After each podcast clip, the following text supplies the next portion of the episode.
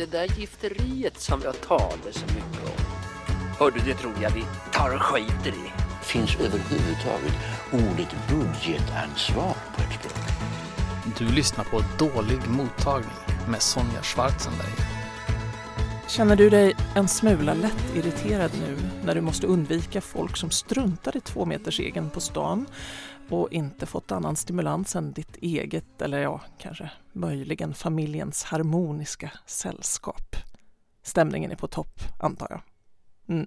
Det här är ju en podd som tar människors svåraste vardagsproblem med kommunikation på allvar. Och jag tänker att det allra vanligaste problemet kan formuleras ungefär så här. Hur vinner jag ett gräl och får det som jag vill? Den självklara gästen för dagens tema är Irene Wennemo, generaldirektör för Medlingsinstitutet. Varmt välkommen! Tack så mycket! Du, eh, Medlingsinstitutet ska vi bara säga till en början är den myndighet som helt enkelt löser konflikter på svensk arbetsmarknad och ser till att lönebildningen fungerar som den ska. Har jag uppfattat detta ja, korrekt? Ungefär. Så, du kan få dra det in, det här nej, var nej, min men det mening. var väldigt nära. Men, men det är klart att vi tillsätter medlare och det är egentligen de som löser konflikterna. Eh, och eh, vi hjälper till att se till att det blir, kommer rätt medlare till rätt konflikt. Men de Mm. brukar vara mycket framgångsrika faktiskt med att eh, se till att eh, parterna blir överens. Hur väljer man rätt medlare till rätt konflikt? Ja, nej, men det här, det här, det här är en eh, komplicerad konst Ja. och eh, det är så att vissa medlare är väldigt bra på vissa områden och det, det ska ju liksom inte alltid vara vissa så här äh, bråkiga LO-förbund behöver en viss typ av medlare. Arg kabinpersonal på SAS kan behöva en helt annan typ. Eh, liksom vårdpersonal och sådär. Det är, inte, det är lite så här, det finns vissa medlare som är liksom väldigt de är duktiga på att hantera vissa grupper och vissa avtal förstås. Det är, man, man ska kunna sina saker. Men det är också en del, ganska mycket psykologi faktiskt. Jag tyckte att det var skojigt att prata med gräl, prata om gräl Ja. med dig. Se hur roligt du tycker att det här är. Ja, nej, men jag, jag ser fram emot detta upplägg. Vi Ja, ja, jag känner ju också att du är väldigt kunnig inom detta och jag tror att man kan plocka ner allting på en mänsklig Ja. nivå egentligen. Så att, Ja, vad är det första man bör tänka på när man står inför en konflikt tycker du? alltså, det är ju lite grann vad vill jag uppnå med den här konflikten?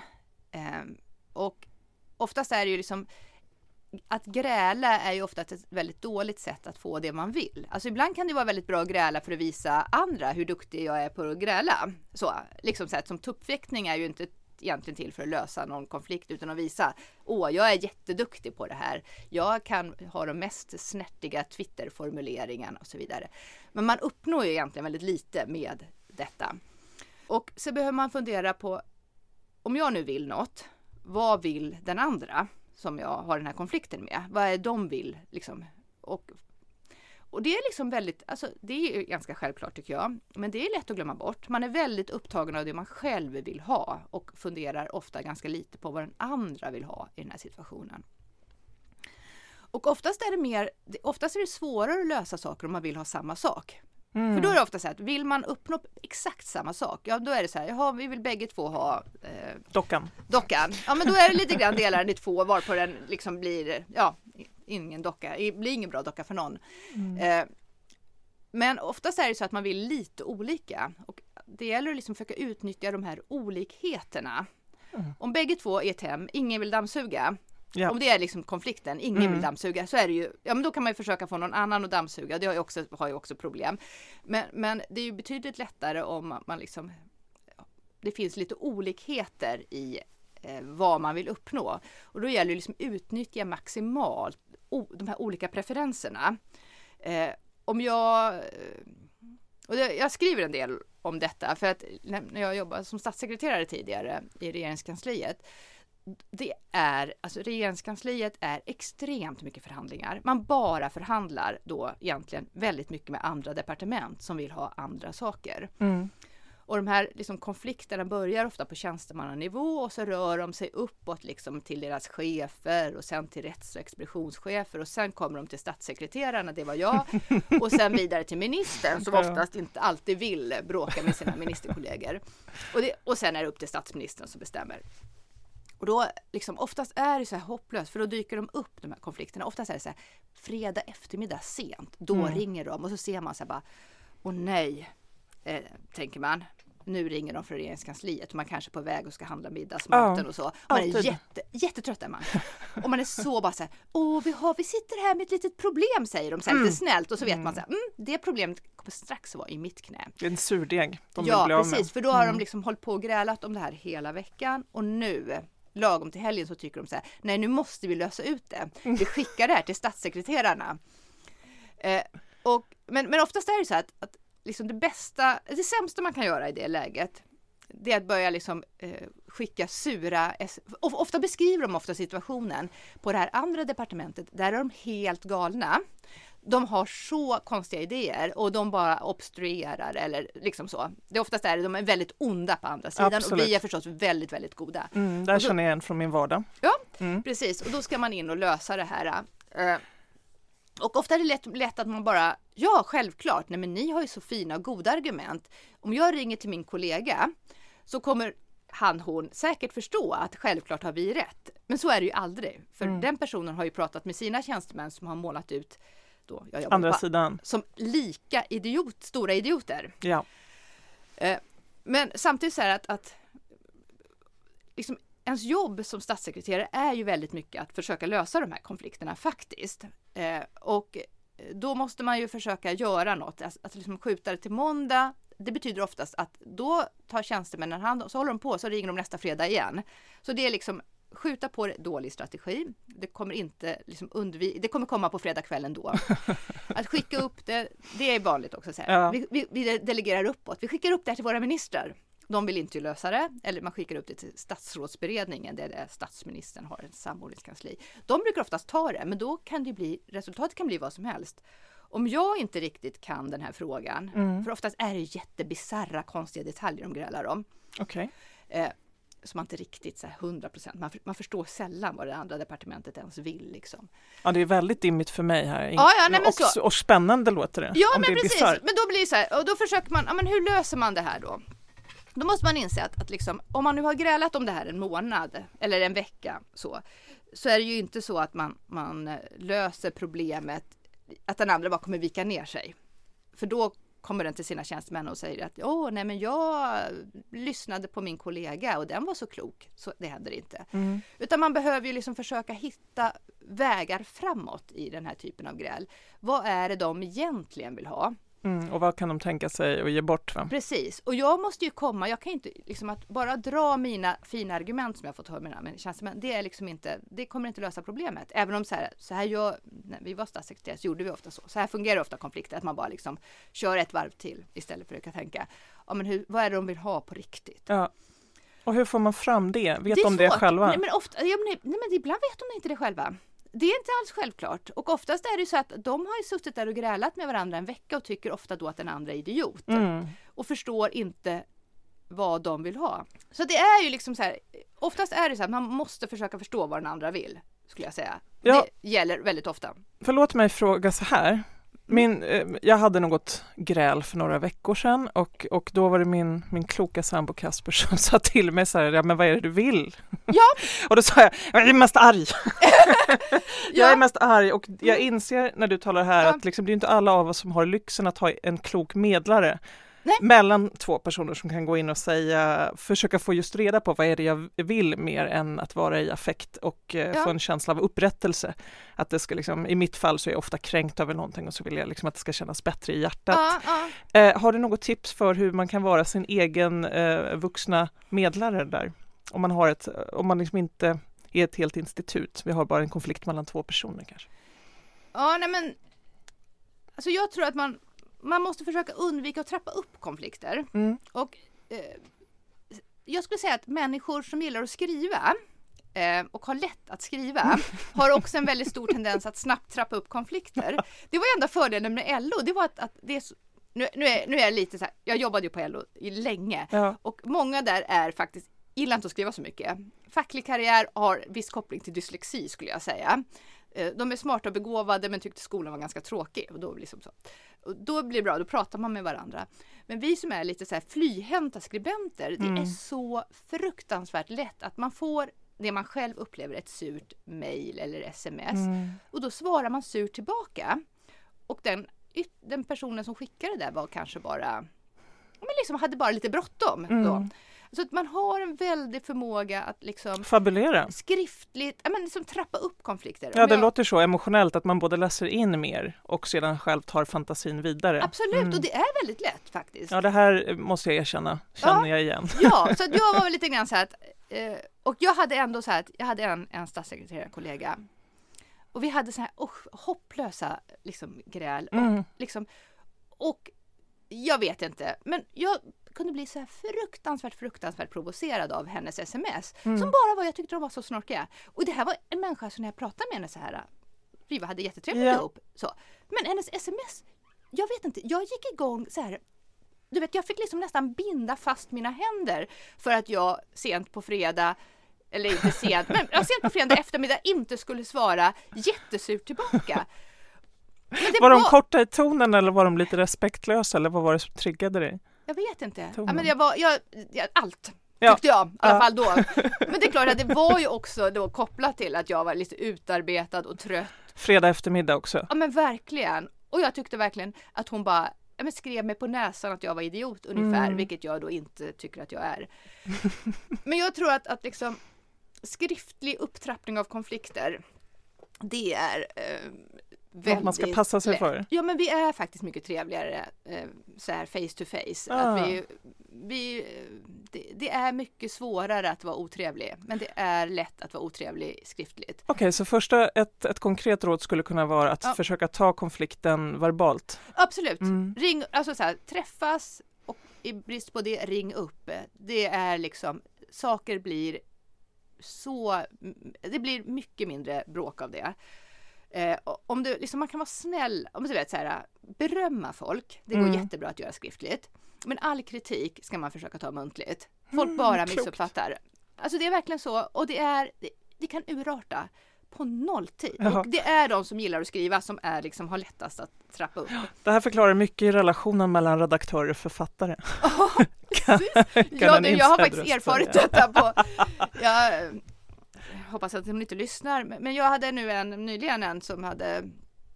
Eh, eh, hon var verkligen extremt, eh, kan man säga, kort i tonen till mig. Mm. Och ungefär uttryckte sig, kände jag då, i mitt Ja. lite känslomässiga, att hon tyckte att jag var en idiot ungefär. Och jag bara, och då bestämde jag mig för, eftersom jag då ändå skrivit, skrivit om detta i en bok, så bara, nu ska jag vara helt, eh, nu ska jag vara tvärtom. Mm. Och jag bara så här, först sa hon ungefär, du är en idiot, tyckte jag, så jag läste in Ja. detta. Och jag bara så här, åh ursäkta mig att jag tänkte så dumt. Eh, Jag vill verkligen, jag ber om ursäkt Mm.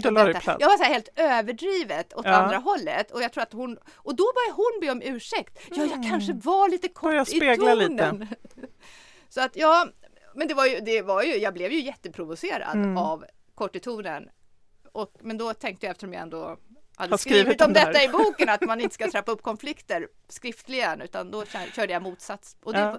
fungerar otroligt bra. Andra sätt för att eh, ta ner en konflikt. ehm, jag bara satt och tänkte, apropå fredag eftermiddag, också äta någonting. Ja, Äta och sova, det är mina två regler jag måste ha innan jag får, liksom, om jag har ett sånt där riktigt otäck konflikt, då måste jag eh, jag får, inte- det får inte vara kväll, nej, jag blir nej. oerhört mycket Ja, mer nej, jag- dramatisk än vad jag är på morgonen och jag får inte vara hungrig.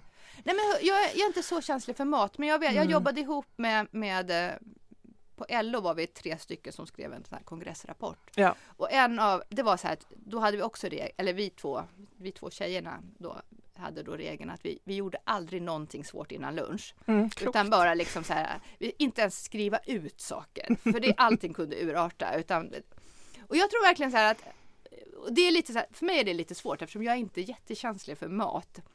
Däremot sömn, det Ja. går ju inte alls. Eh, så att, eh, men man ska verkligen tänka på det med andra. Ge dem en banan först liksom och sen tar vi den här diskussionen. Ska vi ta en liten fika Ja. och sen kan vi ta Ja. upp det här. Men sen finns det verkligen så här situation, det finns vissa situationer som är verkligen också väldigt laddade som lätt blir upptrissade. Som till exempel. Men vi hade nu, det här är lång, det här är också ett nördigt, eh, det här är en situation inte så många är i, men jag tror Mm. man kan, det kan likna här, statliga utredningar. eh, när man tillsätter dem, då är det alltid så här, allt är frid och fröjd, alla är glada och de har gott om tid med sin utredning och så här. Så här är det ju med arbetsuppgifter i allmänhet Ja, också. man har hög energi, man känner nu gör vi något. Ja, och det är så härligt i början. Man ser bara liksom möjligheter, inga hinder. Och sen är det så här, när det drar sig mot deadline, Mm. och så är det i statliga utredningar, så är det ju väldigt mycket annat. Så plötsligt är det så här, tiden tar slut, det dyker upp en massa problem man inte insåg från början. Folk börjar komma med synpunkter. Så är det verkligen så här i statliga utredningar. Jag har ju jobbat lite för mycket i sådana. Och då är det som så här, och man kan bli helt galen. Men, men kommer du med den här synpunkten nu? Nu! Vi har ju bara, vi har ju bara en vecka kvar! Det här kunde du väl sagt i början? Och de som ska lämna synpunkter sitter ju ofta också sådär, du vet, de har ju precis fått texterna som Ja. de skulle lämna synpunkter på och sen ska de läsa dem och ha mycket annat att göra. Och vänta ska på sin deadline. och sen ska de prata med sin chef, vad tycker du? Och sen kommer de tillbaka och då är det ju allt för sent och man blir helt... Alltså det finns liksom... Det är en sån... Du vet nästan alla statliga utredningar, de börjar i sånt härligt I dur. i bedur och det är liksom kan inte jag de här äh, scherzo eller något sånt där. Så vad heter det när det är så här, äh, det finns något sånt där musikterm. Eh, som Crescendot, eh, men fast det är det liksom här, lite för positivt laddat. Ja, men det finns, ja. Men det är i alla fall, det är alltid så här. Enda gången som jag som statssekreterare har varit med om att folk har rusat gråtande ut ur rummet. Eh, ja, men det är inte det. Då Nej, har man, man, man kan säga att ja, då har man misslyckats med att leda mötet. Ja, jag erkänner det. Men det var så här bisarr fråga. Det var så här, någon, hon ville, hon hade skulle, det var en utredning som inte ens var på arbetsmarknadsdepartementet, den var på socialdepartementet och så har man med sig experter, vi hade med en expert från arbetsmarknaden. Och hon hade så här, vi ska skriva särskilt yttrande eh, för vi är så missnöjda med den här utredningen och jag bara så här, nej, det tycker jag inte, sa jag. Varför då? Det här är en fråga som inte berör oss. Varför ska vi liksom ta ställning i den här frågan? Och, och du vet, och det hade blivit en sån konflikt liksom kring utredningen. Så att det, ja, det landade med detta eh, gråtande. Eller jag tror hon grät i alla fall. Hon rusade ut ur rummet. Hon var i alla fall väldigt i affekt. Och, Ja. och det var verkligen så här. Och det känns helt bisarrt. Hur kan man bli så, ha så svårt att hantera saker? Men det är ju någonting där med liksom deadline, liksom man ska vara färdig, det kommer synpunkter, man liksom känner sig inte lyssnad på och så vidare som verkligen liksom Ja, det Ja. låter förfärligt. Jag kan förstå att man gråter av mycket mindre saker men att sen känna att man har hela statsapparaten på något vis vilande nej, på men det sina var verkligen axlar, så, det, det var underlättar så inte. mycket tjafs i slutet Mm. på utredningar. Alltså det var så det som alltid hade, det som hade börjat så bra var alltid liksom nästa, det var alltid något sorts kaos i Ja. slutet och det var utredare som inte ville vara kvar. Ja, det var så mycket. Ja, men alltid innan f- eh, produkten Ja, är färdig, ja. det är ju det värsta, den sista Sisyfosbacken. Ja, precis. Och då är det verkligen väldigt lätt att eh, och man blir så här lite närsynt. Man, det är just det här när man liksom Mm. slutar se andra. Man ser bara sina egna fruktansvärda problem. Och eh, liksom att man, vet, man tappar perspektivet i Ja. de där lägena.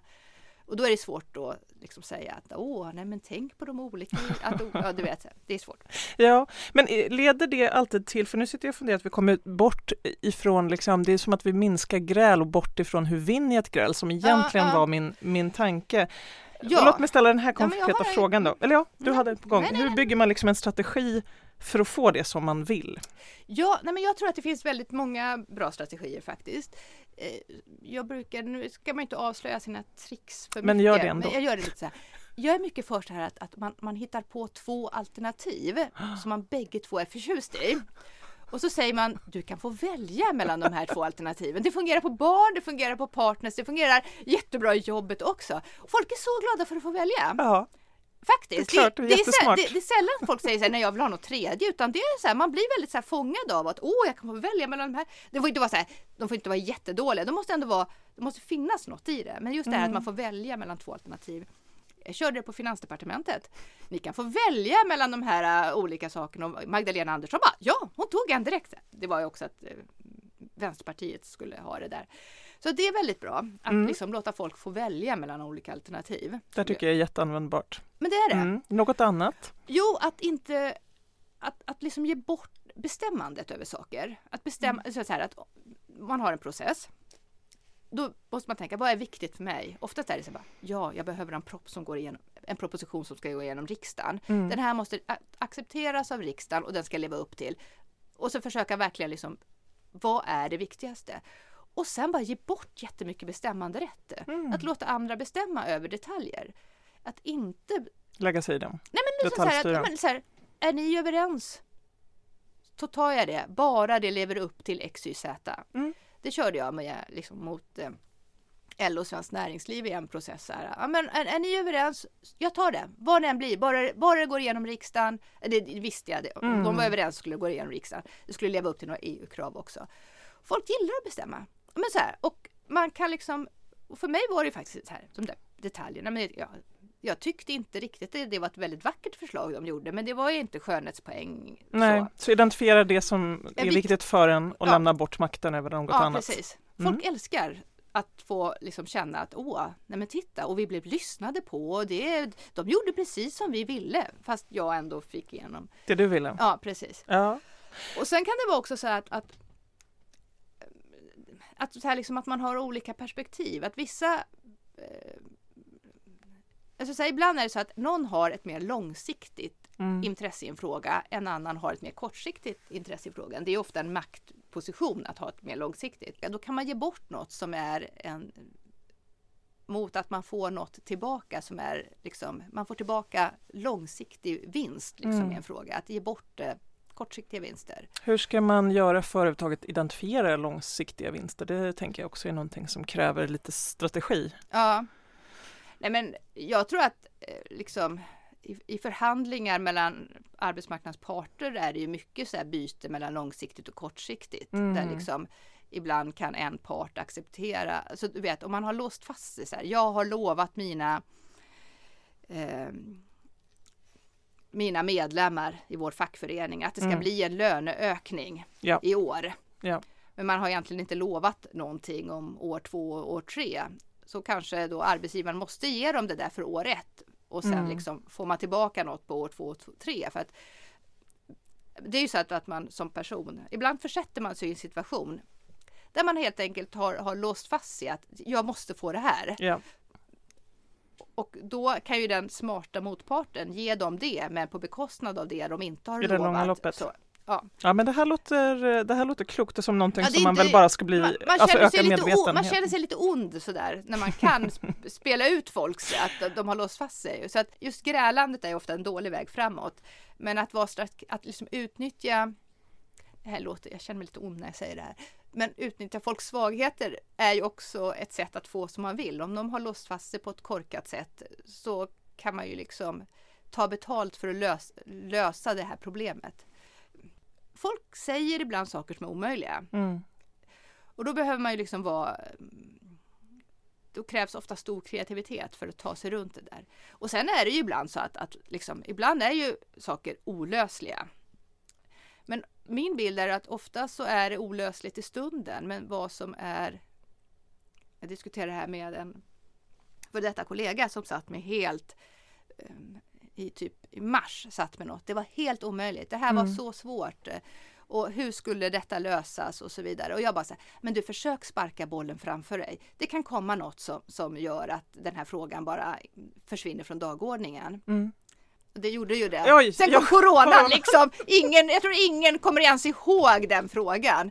Och jag, men jag vet inte om hon, ja men jag, du vet, det, det här var verkligen så här liksom. Det var helt omöjligt. Det här, är så här, det här går inte att lösa. Mm. Eh, och ibland är det verkligen så att ja, men sparka, sparka frågan framför dig. Försök skjuta det framför dig. Och sen se vad som händer. Och, och jag menar, det är överraskande ofta att saker bara helt bara försvinner av olika skäl. Det händer inte coronakris ofta, Mm, men, men nej. liksom, Pessimisten i mig känner mig, tvek, känner mig Ja, men- tveksam Nej här. men alltså ibland så här.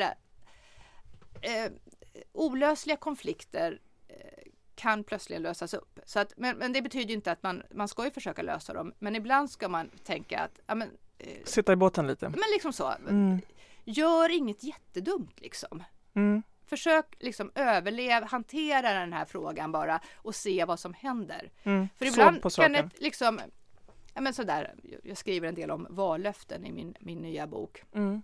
Och man, ibland lovar ju partier saker som faktiskt inte hänger, alltså det, det går inte att göra så, bägge sakerna. Det är helt omöjligt. Man Ja. kan inte både göra det och göra det samtidigt. Eh, och då kan man ju snabbt gå ut och säga att, att nej, vi måste svika vårt ena löfte. Det tycker jag är ganska dumt. Oftast, liksom det som framstår som helt omöjligt kan faktiskt sluta vara omöjligt av olika skäl. Inte alltid för att det händer en coronakris, men ibland händer helt andra saker som gör att nej, men plötsligt så är det som man upplever som en helt omöjlig motsättning faktiskt slutar att vara det. Så att man ska ju vara lite så här, ibland måste man vara försöka liksom vänta och se så dyker saker upp eh, som löser problem åt en. Men man ska ha det i bakhuvudet hela tiden, så här, det här problemet vill jag lösa. Finns det någon form av liksom, vad ska man säga, riktigt vasst vapen att ta fram när man verkligen behöver vinna sitt gräl?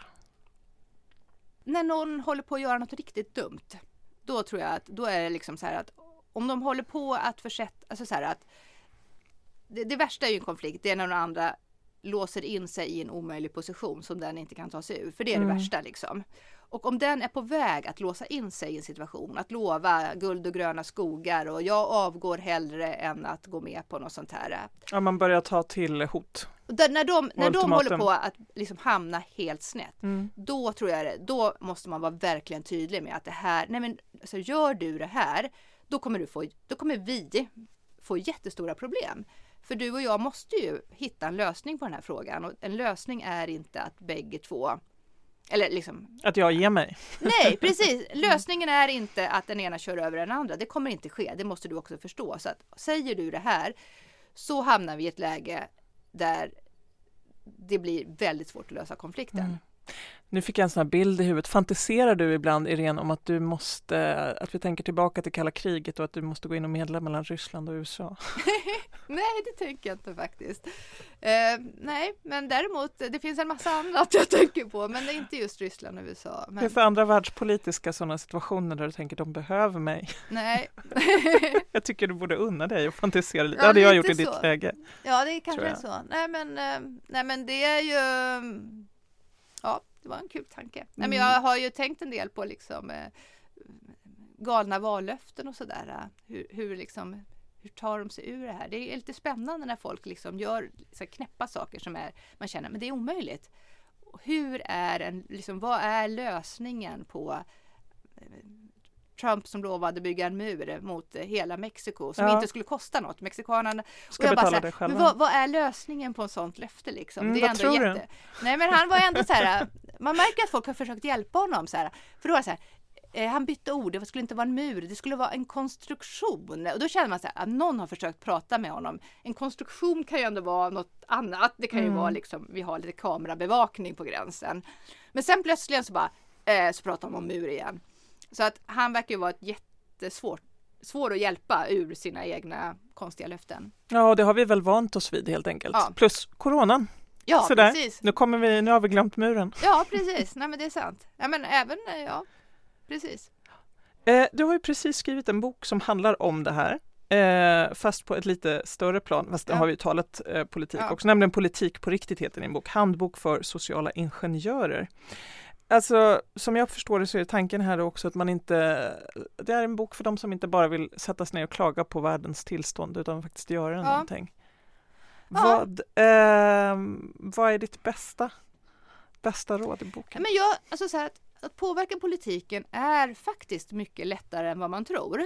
Eh, man, man kan bli liksom så här eh, både som privatperson men också så här om man jobbar i någon organisation eller är aktiv i någon organisation. Man ska verkligen liksom men man måste göra olika saker vid olika tillfällen för att påverka och man måste förstå hur, hur liksom beslutsfattandet fungerar för att liksom kunna optimera sitt, eh, sin påverkan.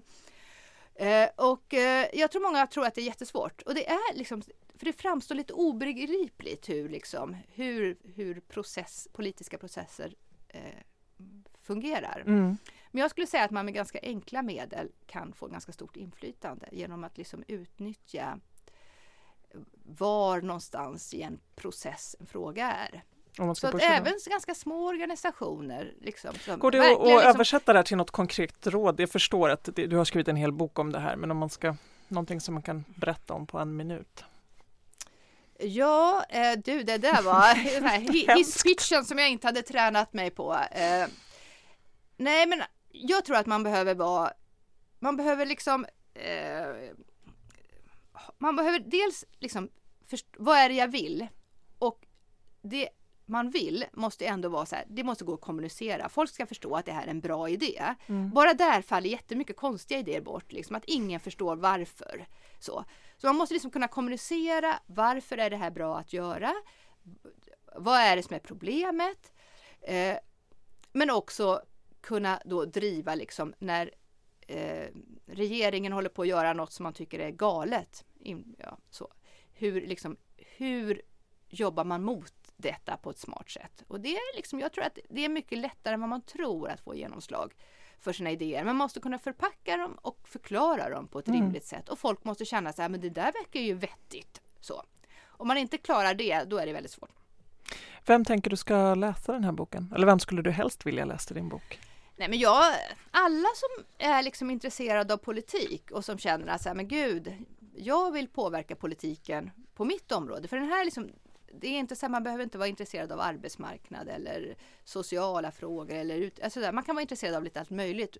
Men man vill någonting och man vill liksom påverka politiken i sitt område, ja, på, på det där man brinner för. Eh, Är och det, främst till för partipolitiker eller kan Nej, det vara nej, det- personer som har en intresse för en sakfråga? Nej men jag har ju själv liksom varit på lite olika poster. Jag har varit då när jag jobbade på LO. Det är ju inte, vi var ju liksom fristående från partipolitiken utan vi vill liksom bara driva våra frågor. Så, Mm. så att om man jobbar i organisationer som vill påverka politiken eller om man är liksom medlem i en liten förening som vill påverka politiken. Eh, men också om man jobbar i liksom myndigheter, Mm. regeringskansliet, att förstå sig på. Det är många där som tycker politiken är liksom obegriplig. Det är Mm. liksom så här, politiker, det är konstiga typer. eh, men egentligen så är det liksom banden mellan liksom politikerna och de som ska utföra politiken på myndigheter och sådär väldigt starka. Så att eh, ja, jag tror att det är många som kan ha glädje av det, försöka förstå sig på hur politiken fungerar på riktigt och hur, vad man gör för att påverka den. Är boken rolig? Ja, faktiskt. Ja, men jag, nej, men det, eh, redaktören strök några roliga saker, men, men det mesta roliga är faktiskt kvar. Och det är mycket sådana här roliga och lite elaka exempel också på saker som inte alltid är lyckat. Det är mycket i, i politiken som inte alltid riktigt blir som man har tänkt.